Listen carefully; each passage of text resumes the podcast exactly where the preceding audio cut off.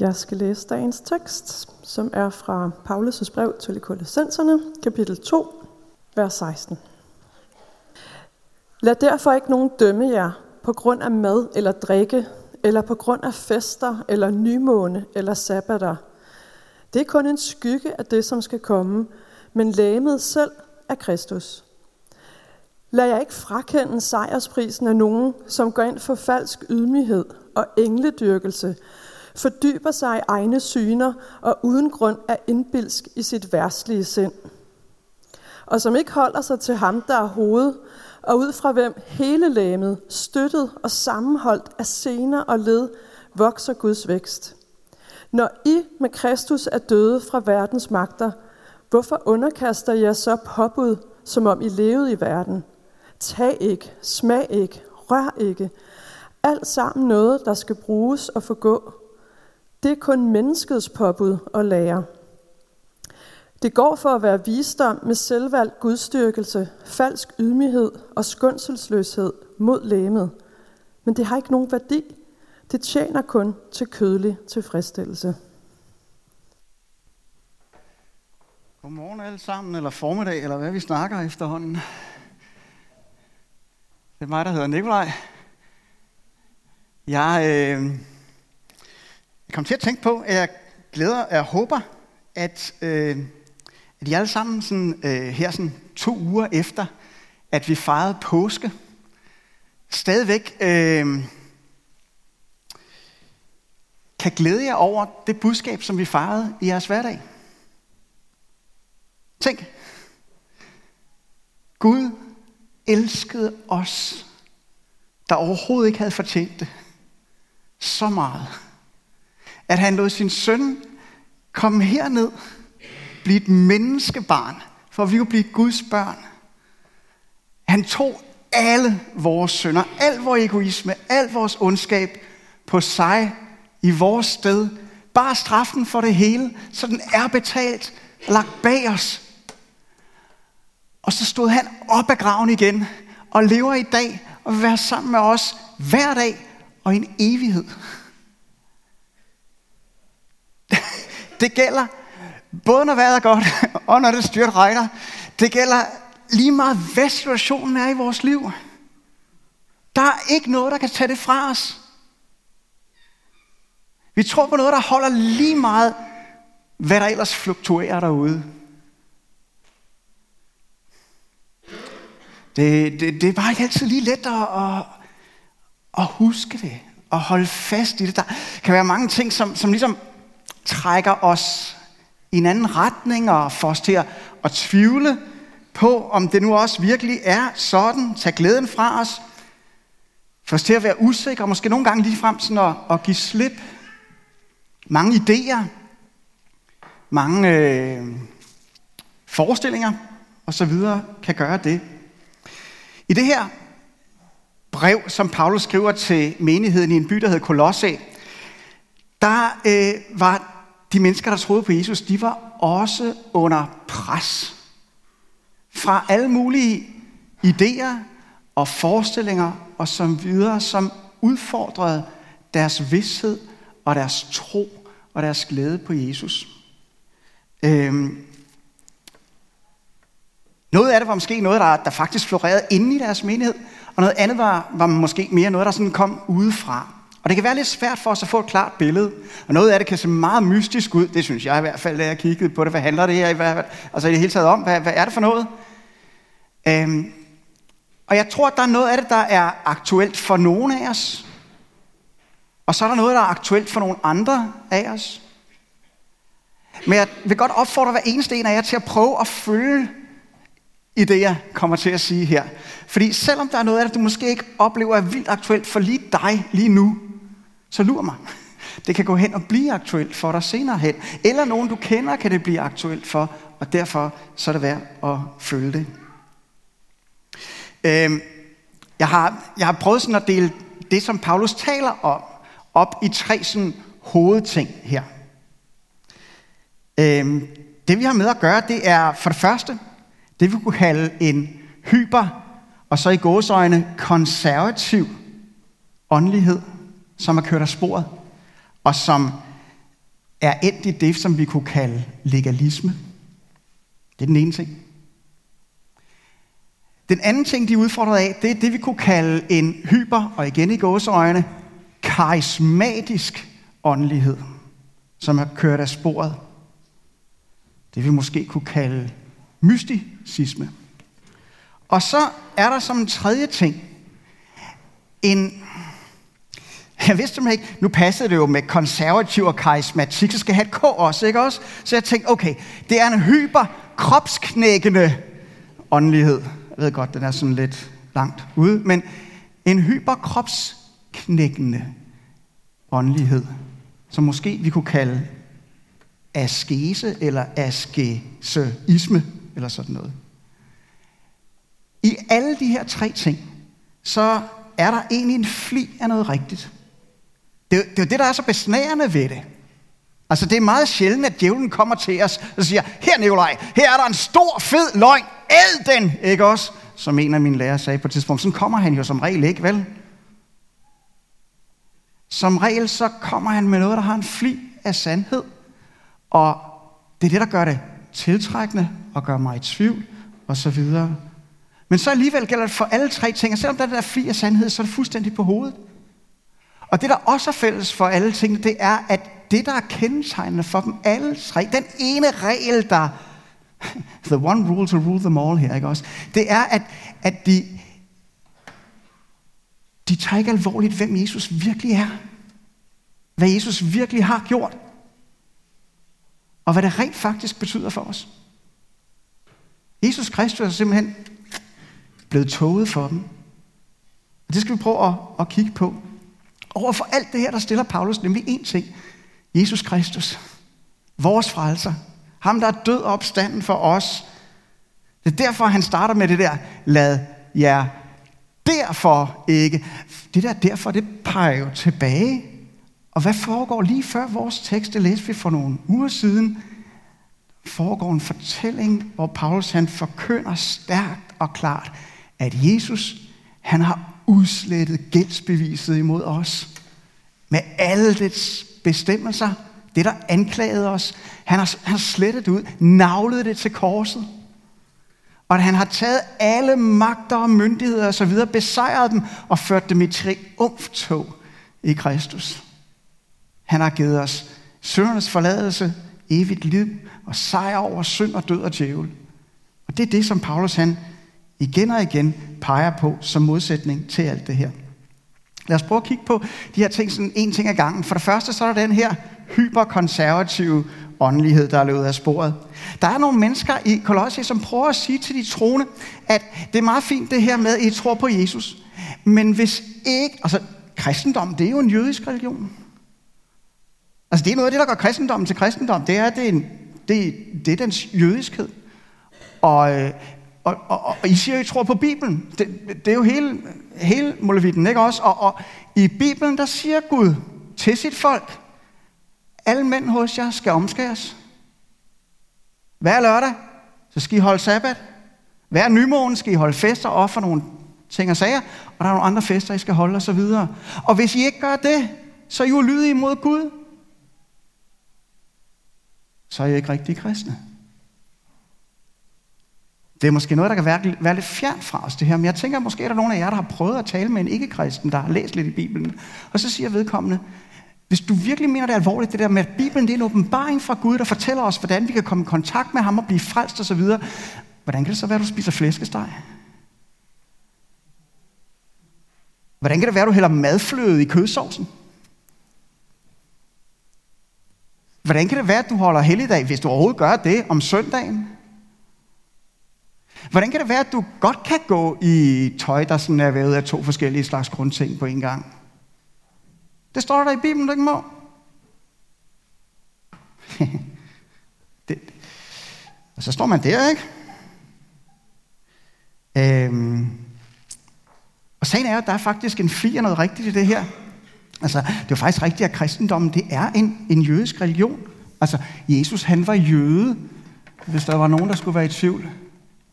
Jesus, han var jøde. Og, og det var for den sags skyld også Peter og Paulus og alle de 12 andre apostle. Det var de alle sammen. Og den Gud, som vi møder i det, vi i dag kalder det gamle testamente, det er den samme Gud, som vi tror på.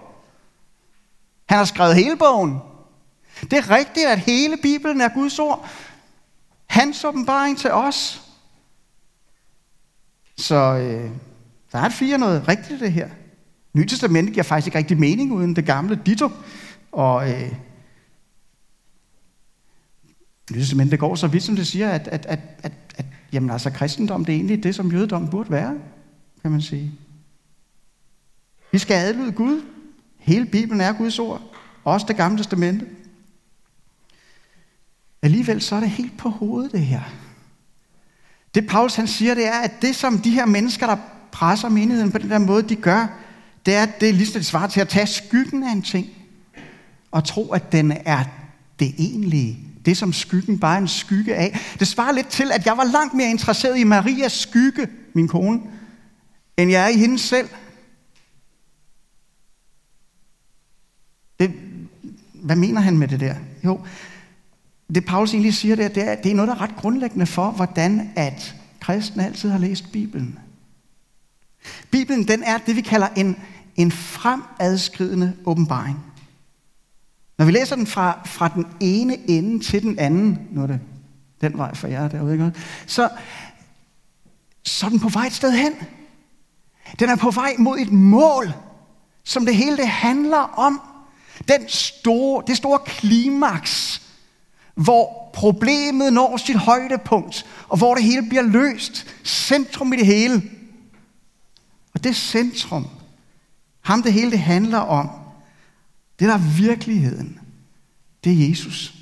Alt det, der går forud for ham, det er egentlig bare en skygge, som fremtiden har kastet ind over fortiden. Noget, der var der for, at det skulle give dybde, klangbund, farve, skønhed til det, der var den virkelige sag, der kom, nemlig Jesus.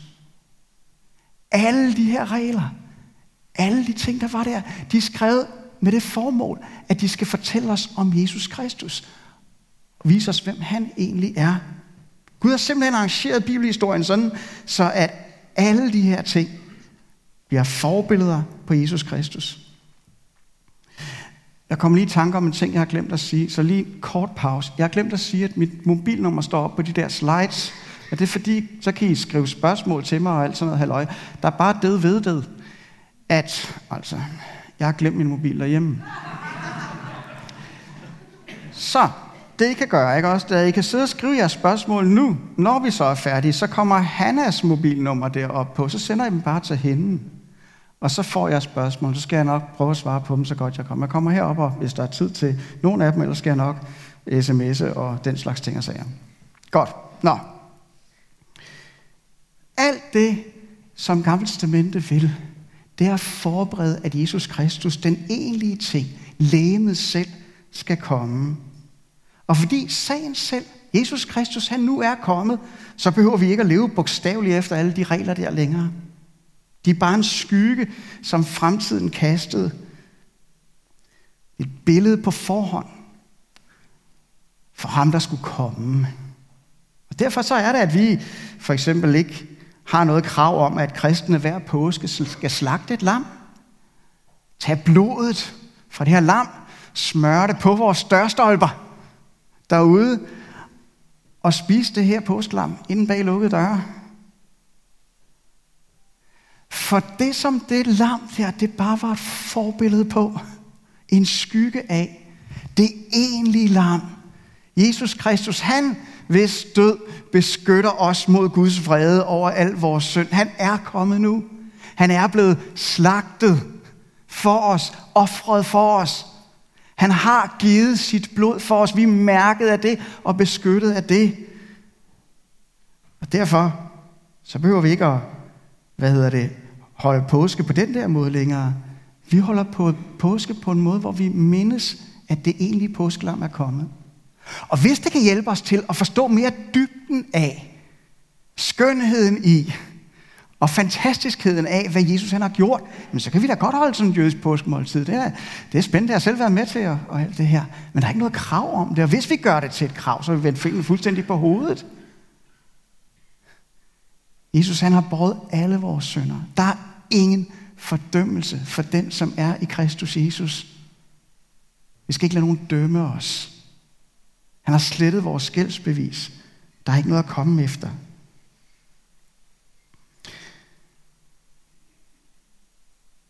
Så er der det andet, den der, det jeg har valgt at kalde en hyperkarismatisk åndelighed, der løder sporet, som de troende kan blive presset af.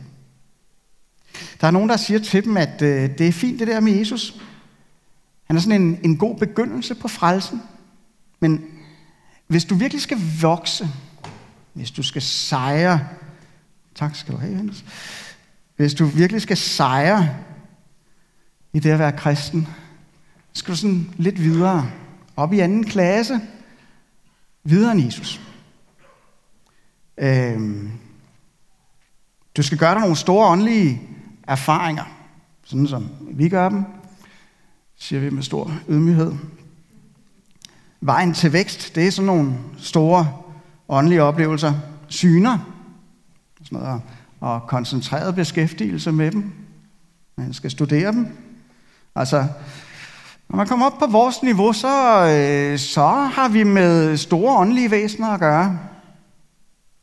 Vi tilbeder engle, eller tilbeder sammen med dem, eller, eller sådan. Vi kan jo ikke bare, vi er jo ydmyge, vi kan jo ikke bare komme ind foran Gud på den der måde. Vi må have en, en engel med os, eller have sådan en som mellemmand, eller, eller sådan noget. Altså det, når man kommer op i anden klasse, så er det sådan noget, det handler om, siger vi i al ydmyghed. Så altså, hvis du skal vokse som kristen, hvis du skal nå et højt religiøst niveau, så er det ikke bare Jesus længere. Så skal der nogle syner på bordet. Der skal nogle store åndelige oplevelser til. Måske lidt engle eller ting og sager. Så det, igen, så er der måske en lille bitte fli af noget rigtigt i det her.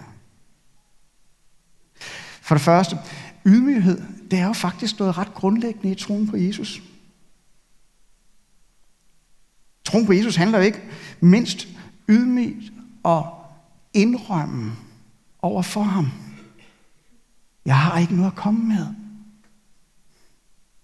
Jeg har sådan brug for dig, Jesus. Jeg er hjælpeløs.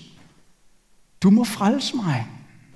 Jeg har kun egoisme og synd og elendighed at præsentere. Du må være min frelser. Du må være hele min retfærdighed. Jeg må sige, det er ydmygt. Øhm, det er også rigtigt, at vi ønsker at vokse som kristne. Vi ønsker at blive styrket og rodfæstet. Vi ønsker at erkende mere. Vi ønsker at ligne Jesus mere. Og det er næsten unaturligt for en kristen ikke at længes efter at erfare mere af Gud. Så der er en lille fli af noget rigtigt i det her. Vi ønsker et glimt af himlen. Men som Paulus han gør opmærksom på, så er der noget, der er gået helt på hovedet. Det viser sig allerede i den der måde, de sådan snakker om, at de sådan, i al ydmyghed gerne vil gøre opmærksom på, at øh, på deres niveau, så er tingene sådan lidt anderledes. I virkelighed så er det en temmelig værtslig åndelighed, siger Paulus, den der. Midt i deres længsel efter en åndelig virkelighed. Så selve den måde, de søger den på, den er egentlig bare et udtryk for deres egen værtslighed, siger han. For deres egen indbilskhed. Sådan en oppustet åndelighed. En oppustet ydmyghed. Det er sådan selv, selvmodsigelse. Det er helt på hovedet. Og så har jeg lyst til lige at tilføje, at hvis du nogensinde skulle løbe ind i en engel, som gerne vil tilbedes af dig, okay? Så er det ikke en Guds engel. Så er han på det andet hold, okay? Øhm, det er helt på hovedet. Øhm, og det er fordi de her mystikere, de har, sagt, har mistet hovedet, siger Paulus. De har tabt hovedet, de har givet slip på Jesus Kristus selv, ham der faktisk er hovedet, siger han. De holder sig ikke til Jesus Kristus. Øhm, nu er jeg ikke kant med, men jeg tror nok, at det er rigtigt, at hvis jeg bliver skilt fra mit hoved, så vokser jeg ikke særlig meget længere. Og sådan er det. Hovedet, i hvert fald sådan som Paulus tænker om det, det er kilden, forbindelsen til hovedkontakten, som vi ikke rigtig fungerer uden. Der sker ikke nogen vækst, hvis vi ikke holder fast i Jesus Kristus. Der er egentlig, der er egentlig sådan to metaforer i den her sammenhæng, som Paulus bruger om Jesus, og det er sjovt, de er sådan lidt i hver sin ende af skalaen. I vers 7, det læste vi også for nogle uger siden i samme kapitel, der taler han om, at de skal rodfæstes i Kristus. Som om Kristus er nedenunder os, ikke også? Og vi skal have rødderne dybt ned i ham. Vores rødder skal grave i ham. Folde sig ud i ham. Hold godt fast der, så vi står fast, har rødder. Nu taler han om, at Jesus han er vores hoved. Den der over, vi sang før, han er over og under. det er lige før, vi har det samme her, ikke? Jesus han er også det hoved, som vi aldrig nogensinde kommer højere end folkens. Det hoved, vi aldrig nogensinde kommer højere end. Han er, han er hovedet ud af hvilket, ud af hvem vi vokser Guds vækst, siger Paulus. I stedet for at fordybe os i vores egne erfaringer, så skal vi fordybe os i ham, i Jesus Kristus. Det han har gjort for os, hvem han virkelig er, og hvad det faktisk betyder. I det hele taget, så skal vi slet ikke videre end Jesus.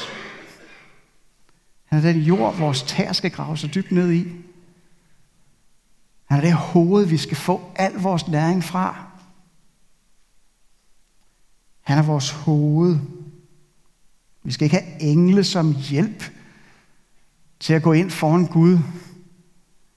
Jesus Kristus er vores bror. Han har gjort Gud til vores far. Jeg skal ikke have en engel i hånden for at gå ind foran min himmelske far. Jeg skal have Jesus Kristus i hånden. Han er min konge. Han er ham, der har gjort mig til Guds barn. Og hans karpefli holder jeg fast i, når jeg kommer i Jesu navn frem for min far. Og siger, ligesom Jesus gjorde det, Abba, far til ham. Jeg har ikke brug for nogen mellemmand. Jesus, han er min mellemmand.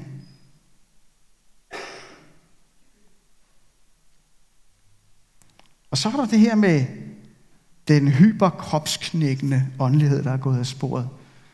Det er askese. Der er nogen, der sagde til kolossenserne, at vejen til et helligt liv, vejen til indre fred, til kontakt med det guddommelige, eller hvis man sådan skal udtrykke det lidt mere kristen, så vejen til at vinde over synden og vores syndige natur, vores kød, vejen til det, det er at knække kroppen. Og knække kroppen. Kroppen er problemet. Du bliver nødt til at nægte din krop alt det, som den faktisk har behov for. Der skal disciplin på bordet. Regler. Duft ikke til blomsterne. Drik ikke af vinen. Spis ikke chokoladen. Nyd ikke skønheden. Elsk ikke med din ægtefælle. Drik ikke. Ryg ikke. Dans ikke. Tag ikke. Smag ikke. Rør ikke og skulle lige helt ned på nul for musikken. Ikke? Igen, så er der en lille bitte fli af noget rigtigt. Selvkontrol og kropskontrol, det er ikke uvæsentligt ifølge Bibelen. Vi skal ikke være slaver af vores krop. Den skal ikke herske over os. Vi skal beherske Vi har fået fred med Gud på grund af Jesus. Og når vi har fået fred med Gud, så har vi fået krig med synden. Og synden, den vil gerne bruge vores krop som et redskab og som et våben i kampen.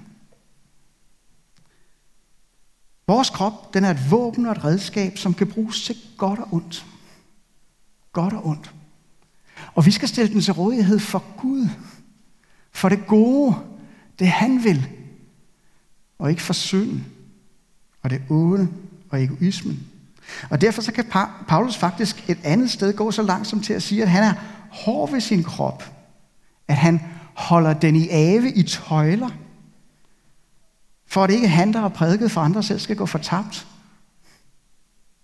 Så er der en lille fli af sandhed her. Men der er en kvalitativ forskel på at beherske din krop, og ikke være styret af den på den ene side, og så på den anden side at være skånselsløs imod den, og ødelægge den, og tro, at du ved at gøre det, kan gøre dig fortjent til, at Gud han skal synes godt om dig. At Gud han skal give dig sin noget, han skal give dig syndernes forladelse. Det er to helt vidt forskellige ting. Og det sidste der, med at jeg er ved at være hård ved min krop, ved at nægte den alt godt, ligesom jeg kan gøre mig fortjent til Guds velsignelse, det er helt på hovedet. Det er helt på hovedet, det er det på flere måder. For det første, så er askese og jerndisciplin, det er noget, der kan se meget imponerende og ydmygt og vist og fremt ud. Altså sådan en, en, en, en red maver og nøgen en med en turban, der sidder på sådan en søjle et eller andet sted ude i ørkenen. Det er der krævet lidt. Det har det da. Altså. Men, men hvis vi tror, at, at problemet i vores kamp mod synden, det er vores krop, så tager vi fejl. Synden den ligger langt dybere. Den handler ikke bare om, om syndige handlinger, som vores krop gør, eller som vi bruger vores krop til.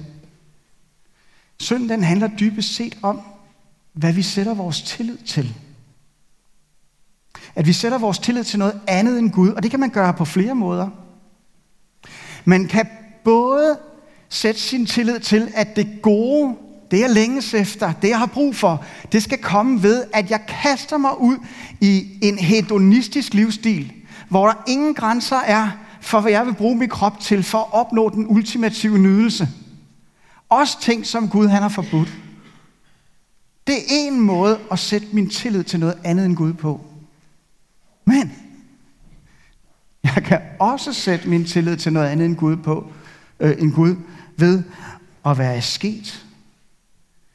Ved at sætte menneskeregler op. Ved at sætte en jerndisciplin op og komme hen foran Gud og sige, jeg er vel nok dygtig. Mig må du da kunne lide. Jeg har slet ikke spist chokolade. Jeg snakker om chokolade, fordi det er en af mine svagheder. Nu må du da velsigne mig, Gud. Nu må, du da, må, nu må du da kunne tilgive mig mine sønder.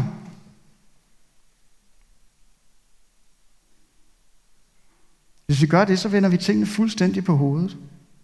I begge tilfælde. I begge tilfælde. Både der, hvor vi bare kører vildt af, og der, hvor vi nægter alt og knækker kroppen i ren og skær jerndisciplin. Så sætter vi vores tillid til noget andet end Gud, og vi giver vores syndighed det vi kalder vores kød, vi giver den lige det, den gerne vil have. For det andet, så er det sådan, at djævlen og hans dæmoner, dem Paulus kalder verdens magter, de hader os, og de hader vores kroppe. Og hvis de kan få os til at pine vores kroppe i en tro på, at det kan gøre os fortjent til Guds endelige velsignelse, i stedet for Jesus alene, så har de faktisk opnået, at vi underkaster os dem. Deres regler. Lige midt i, hvad vi tror er en særlig hellighed. Så har de opnået, at vi underkaster os dem. Det er ikke Guds bud. Det er menneskebud, vi følger så. Og de stammer ikke bare fra mennesker, men fra det, der er endnu værre. Længere nede i de dybeste huler. Verdens magter, djævlen og hans dæmoner. Og det går galt, fordi vi ikke gør os klar, hvem Jesus er og hvad han har gjort. Det eneste djævlen og hans dæmoner har på os, det er, at de kan anklage os over for dommeren, Gud. De kan komme med det her anklagende skyldbrev imod os. Med dets lovbestemmelser. Det, der var imod os. Men Jesus Kristus, siger Paulus, han har udslettet det skyldbrev. Han har navlet det til korset. Han har taget det bort ved at dø som vores stedfortræder i stedet for os, for vores sønder. Vi er nemlig forbundet med Jesus Kristus. Så hans liv tæller for vores. Hans død tæller for vores. Og derfor der er vi sådan, som Gud han ser det. Og det er ham, der er dommeren. Så er vi sammen med Jesus døde væk fra verdens magter. Vi er gået igennem dødsdommen i Jesus Kristus. Og derfor så har de ikke længere noget på os. De har ikke noget, de kan anklage os for. Hvorfor i alverden skulle vi så, siger Paulus, gøre noget, der uanset hvor fromt og, og, og, og, og vist og alt muligt det ellers kan se ud, faktisk er at underkaste os dem. Som om dommeren han ikke regnede os for at være døde i Jesus Kristus. Som om vi var levende for verdens magt under deres kontrol, fordi de havde noget på os. Når Paulus han taler om, at de gør som om de levede i verden, så skal man ikke forstå det der som om, at det er en eller anden form for eskapisme eller sådan noget, han taler om. Altså som om, vi er her ikke i virkeligheden, agtigt, sådan noget mystisk syret noget. Det er ikke det, han taler om. Det han taler om, det er, at vi skal ikke opføre os som om, at vi stadigvæk var levende for verdens magter, for djævlen og hans dæmoner, for menneskeregler. Vi har en herre, Jesus Kristus, og han har fortjent alt det gode for os. Vi skal ikke ligefrem knække vores krop i processen ved at pine os selv, for at forsøge at fortjene os til noget, vi alligevel aldrig nogensinde fortjener, men som Jesus han har fortjent til os.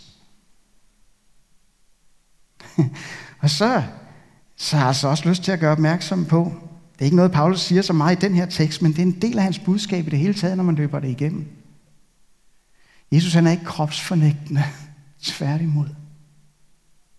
Jesus han kom ikke bare for at frelse os som sådan nogle kropsløse ånder, der svæver rundt på en lyserød sky.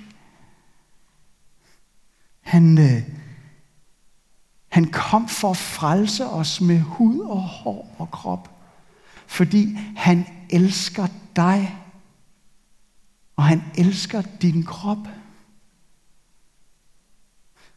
Fordi Jesus elsker dig, inklusiv din krop, så fik han en krop for at frelse dig.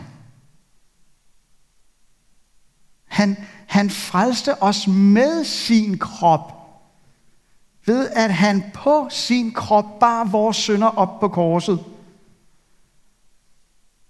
Han opstod af graven med hud og hår og hele sit læme, for at han en dag skal kunne give os et raskt og et sundt og et stærkt og funklende og herliggjort, livsfuldt læme, en ny krop, når han kommer igen og gør alting raskt og rigtigt og retfærdigt igen. Jesus han synes ikke, at du skal knække din krop. Du skal være god ved den. Han elsker den. Han elsker dig. Og han vil frelse dig med hud og hår. Det betyder hverken, at du kan være ligeglad med, hvad der sker med den, eller at den er alt for dig. Men jeg elsker dig med den, ligesom den er. Sand åndelighed, det er hverken en overmisforstået konservatisme, der ikke forstår, at Bibelen, den handler om Jesus. Og det er ham, den gør herlig for os. Sand åndelighed, det er ikke sådan en, en overdrevet mystik eller fuldstændig sikkerhedsbælteløs karismatik, hvor vi lige frem skal videre end Jesus. Han er alt, hvad vi har brug for. Sand åndelighed, det er ikke noget, der er løsredet for vores krop. Det handler om, hvad vi gør med den. For Jesus elsker den, han vil frelse den. Sand åndelighed, det handler om fokus på, og fordybelse i og en nydelse af Jesus Kristus. Det handler om tillid til og kærlighed til og glæde over ham og det, han har gjort for at redde os. Fra synd og død og djævel og forrådnelse og Guds kommende vrede over al vores synd og ondskab. Han er alt, hvad vi har. Og han er alt, hvad vi har brug for. Han er nok. Han er rigeligt nok, og du bliver aldrig færdig med at udforske ham. I ham der er der en uendelighed af skønhed retfærdighed og visdom og kærlighed. Al den åndelighed, som du og jeg har brug for. Så lad os rodfæste os i ham. Suge til os fra ham som vores hoved. Amen.